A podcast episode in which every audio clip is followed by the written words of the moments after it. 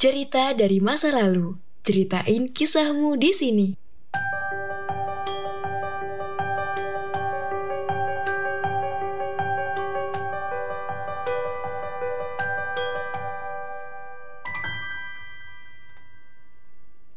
Halo teman-teman, kembali lagi bersama saya Barbara dan kalian masih mendengarkan podcast sejarah Indonesia.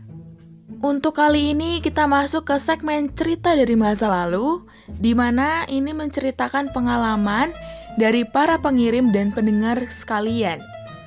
Teman-teman bisa ikutan cerita dengan cara kirim cerita kalian ke email podcastsejarah@gmail.com atau bisa juga kalian langsung melakukan rekaman. Tanpa berlama-lama, kita langsung ke ceritanya. Hope you guys enjoy.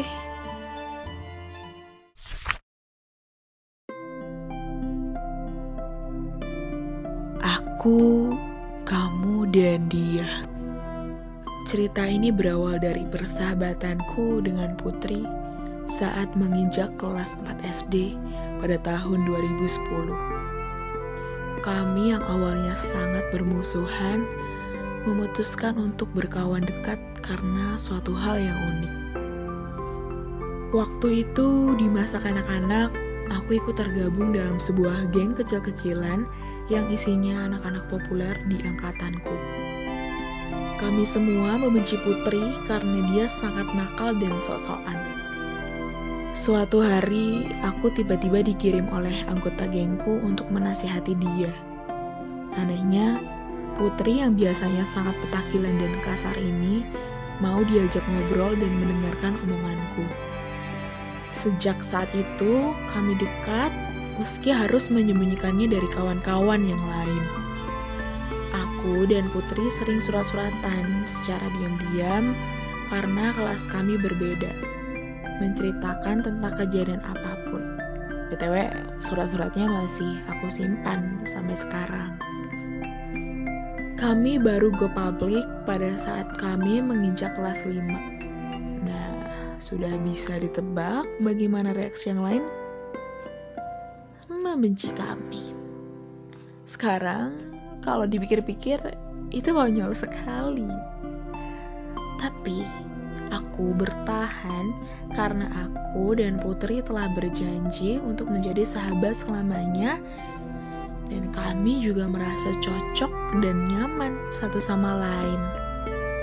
Sejak aku dan Putri bersahabat, kami gak pernah sekelas. Bahkan, Ketika kami lulus SD pun, kami malah beda sekolah. Tapi hal ini tidak membuat persahabatan kami luntur, tapi malah semakin erat. Ibuku bilang, jika aku tidak boleh hanya berteman dengan satu orang saja. Aku harus membuka diri, jangan hanya bergantung pada satu orang. Saat orang itu mengecewakanmu, pasti rasanya akan sangat sakit. Nasihat ibuku, tapi aku tidak percaya. Aku yakin Putri tak akan pernah meninggalkanku. Kami kan berusaha dan berjanji persahabatan kami juga erat sekali. Memasuki masa remaja, masa di mana kami mulai mengenal lawan jenis. Putri lebih dulu memiliki pacar. Beberapa remaja lelaki juga ada yang memintaku untuk menjadi pacarnya. Tapi aku menolak karena aku sangat menyukai kebebasan dan tidak terikat. Dalam hatiku sendiri aku berjanji bahwa aku baru boleh pacaran di usia 17 tahun.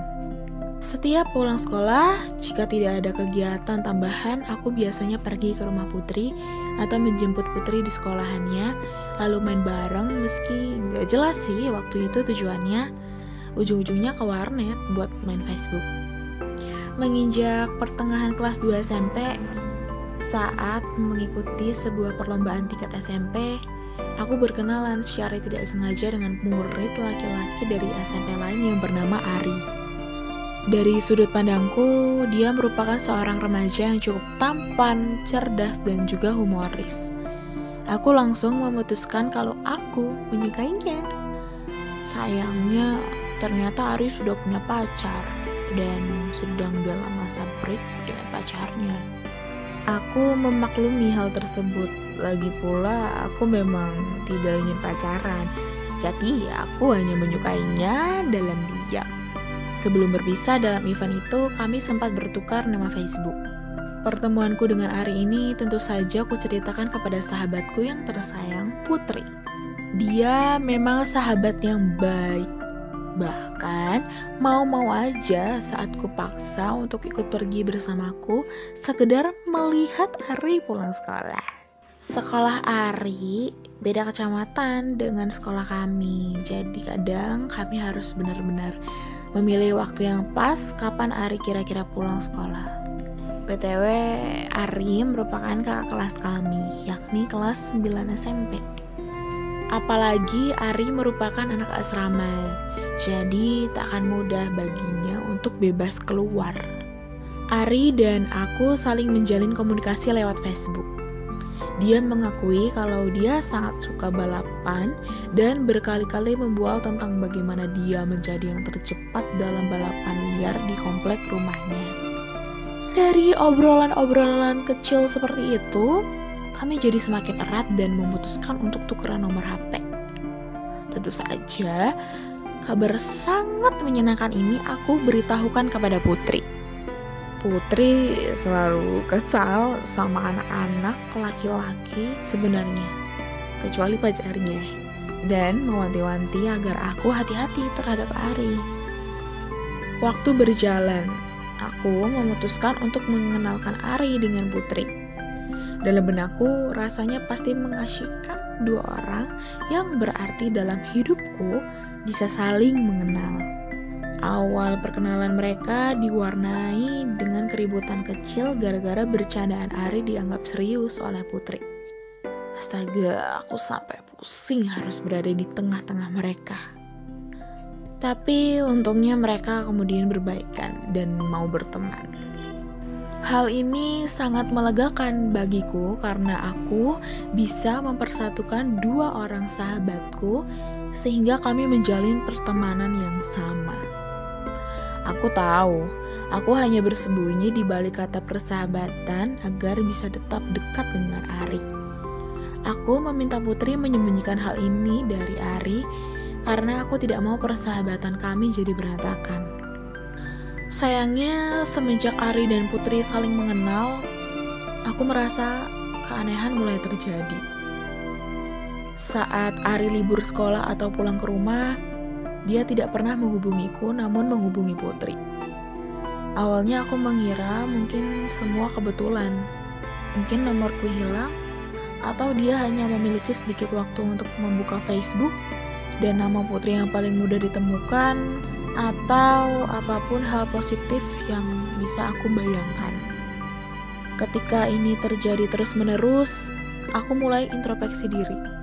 Apakah aku memiliki salah kepada Ari atau aku tidak mengasyikan lagi jika diajak ngobrol sehingga Ari tidak pernah mengabariku. Keanehan kedua, di saat Ari menghilang, Putri juga turut tidak ada kabarnya. Aku SMS tidak dibalas, telepon tidak diangkat. Baru ketika aku main ke rumahnya, dia bilang sedang tidak punya pulsa atau alasan-alasan klasik lainnya. Dari kunjunganku ke rumah Putri, itulah aku tahu jika Ari tidak sepenuhnya menghilang. Dia hanya tidak memberiku kabar. Di saat saat seperti itu aku merasa sangat kesepian, terutama karena kawanku hanya mereka berdua. Aku tidak menaruh curiga apa-apa kepada Putri dan Ari. Hanya berharap mereka bisa ingat kalau ada satu orang kawan mereka yang menanti kehadiran mereka. Singkat cerita, kami, aku dan Putri lulus SMP. Putri dan Ari tidak bisa menghadiri pesta perpisahan SMP-ku yang terbuka untuk umum, sementara pesta perpisahan Putri tertutup khusus untuk mereka. Ari sendiri sudah lulus tahun yang lalu. Aku melanjutkan ke MA, mondok di salah satu pondok pesantren di Brebes, Jawa Tengah. Sementara Putri melanjutkan ke SMA favorit di kota kami. Ari lanjut di yayasan yang sama dengan SMP-nya. Di bulan Ramadan tahun itu, sambil menunggu keberangkatan ke pondok, tiba-tiba aku mendapat sebuah SMS dari nomor tidak dikenal. Aku langsung tahu kalau itu Ari entah karena apa. Ari tertawa mengiyakan dan tiba-tiba berkata, Putri ternyata seperti itu ya. Aku yang bingung bertanya maksudnya apa dan dia menjawab, kami sudah putus. Hah? Putus? Pacarannya kapan? Ari bilang mereka sudah lama pacaran dan putus karena sifat putri yang keras. Aku berusaha mengonfirmasi kebenaran berita itu dengan menanyakan banyak hal. Salah satunya adalah, kenapa aku baru diberitahu? Ari menjawab bahwa selama ini mereka menyembunyikannya atas permintaan putri. Tidak dapat digambarkan betapa hancurnya perasaanku pada saat itu. Sahabatku satu-satunya orang yang paling kupercaya ternyata adalah orang yang paling menyakitiku. Saat itu hari sudah malam. Aku sedang menonton TV bersama keluargaku dan kemudian pamit untuk tidur. Sebelum tidur, sempat kukirimkan SMS berisi kemarahan kepada Putri. Aku bangun keesokan harinya masih dengan ketidakpercayaan. Aku merasa menjadi mayat hidup karena pikiran dan perasaanku kosong. Semalam aku sempat bertengkar kecil dengan Putri mengenai kebohongan dan pengkhianatan yang dia lakukan. Dia awalnya mengelak, tapi setelah ku katakan bahwa Ari telah menceritakan semuanya, dia tidak membalas SMS-ku lagi hingga berhari-hari selanjutnya. Sementara itu Ari berusaha keras memintaku untuk memaafkan Putri. Hari ketiga tanpa komunikasi, aku memutuskan untuk ke rumah Putri. Saat aku berdiri di depan pintu rumahnya dan dia membukakan pintu, perasaanku kembali hancur. Aku telah ke rumah ini berkali-kali, tumbuh bersama orang di depanku yang sangat baik Masa setega ini dia kepadaku?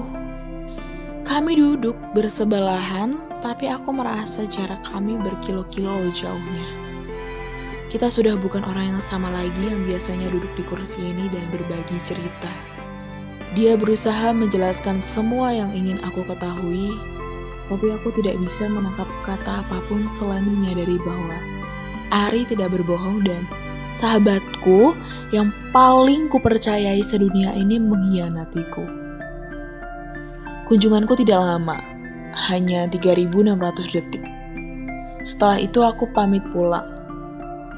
Putri meminta maaf dan aku katakan bahwa aku memaafkannya meski hanya terucap di bibir. Lebaran, mereka berdua bertamu ke rumahku untuk meminta maaf sekaligus bercerita melalui dua sudut pandang. Tapi bukannya cerita, mereka malah saling bertengkar. Akhirnya Ari menunjukkan kepadaku isi SMS-SMS Putri yang aku yakin sebagian besar sudah dia hapus. Ari akhirnya bertanya, Kenapa kamu marah kepada kami? Aku menjawab setengah berteriak, Karena kalian adalah sahabatku, kenapa kalian tidak menceritakan hal ini kepada aku? Aku merasa terhianati. Di situ aku memarahi diriku sendiri karena sampai akhir pun aku tetap berlindung di balik kata persahabatan. Ketika pamitan pulang, Ari berkata, Maafkanlah Putri. Kalau kamu maafin dia, aku akan menghilang dari kalian berdua.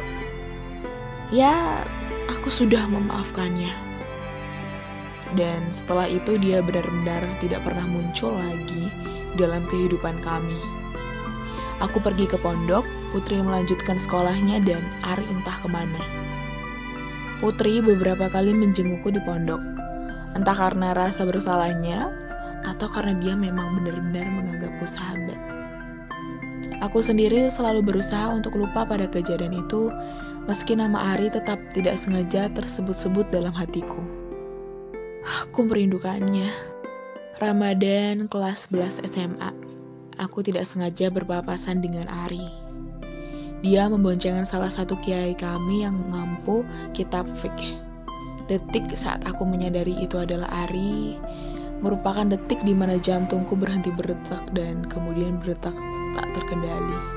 Aku sempat mematung selama beberapa saat di jalan saking syoknya, sampai-sampai salah seorang kawanku menarikku agar segera ikut pengajian. Jantungku masih berdetak hebat saat mengikuti pengajian, sampai-sampai tanganku gemetar dan tidak bisa menggenggam pulpen dengan benar. Saat itu aku menyadari, aku belum sepenuhnya melupakan Ari. Aku masih sangat mencintainya. Mencintai cinta pertamaku yang tidak berakhir baik. Sehari sebelum Idul Fitri, aku termenung cukup lama di depan masjid dengan ponsel di genggaman. Setelah lama, nama Ari tidak berhenti menghantui pikiranku. Selama Ramadan berlangsung, aku memutuskan untuk benar-benar move on darinya. Chat-chat kami di inbox Facebook aku hapus semua. Aku batalkan pertemanan dan menghapus nomornya. Satu bulan lagi usiaku 17 tahun. Dan bukannya mendapatkan kisah cinta yang indah, aku malah harus berusaha move on dari orang yang aku cintai dan melupakan cinta pertamaku. Berkat mereka, aku tahu bahwa orang terdekat kita lah yang paling berpotensi untuk menghancurkan kita. Quotes hari ini ada beberapa perasaan sakit yang tak akan tersembuhkan namun hanya bisa dilupakan.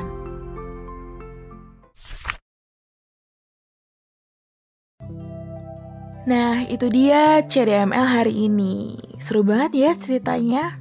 Buat teman-teman nih, bisa ikutan cerita dengan cara kirim cerita kalian ke email podcastsejarah@gmail.com atau bisa juga kalian langsung melakukan rekaman.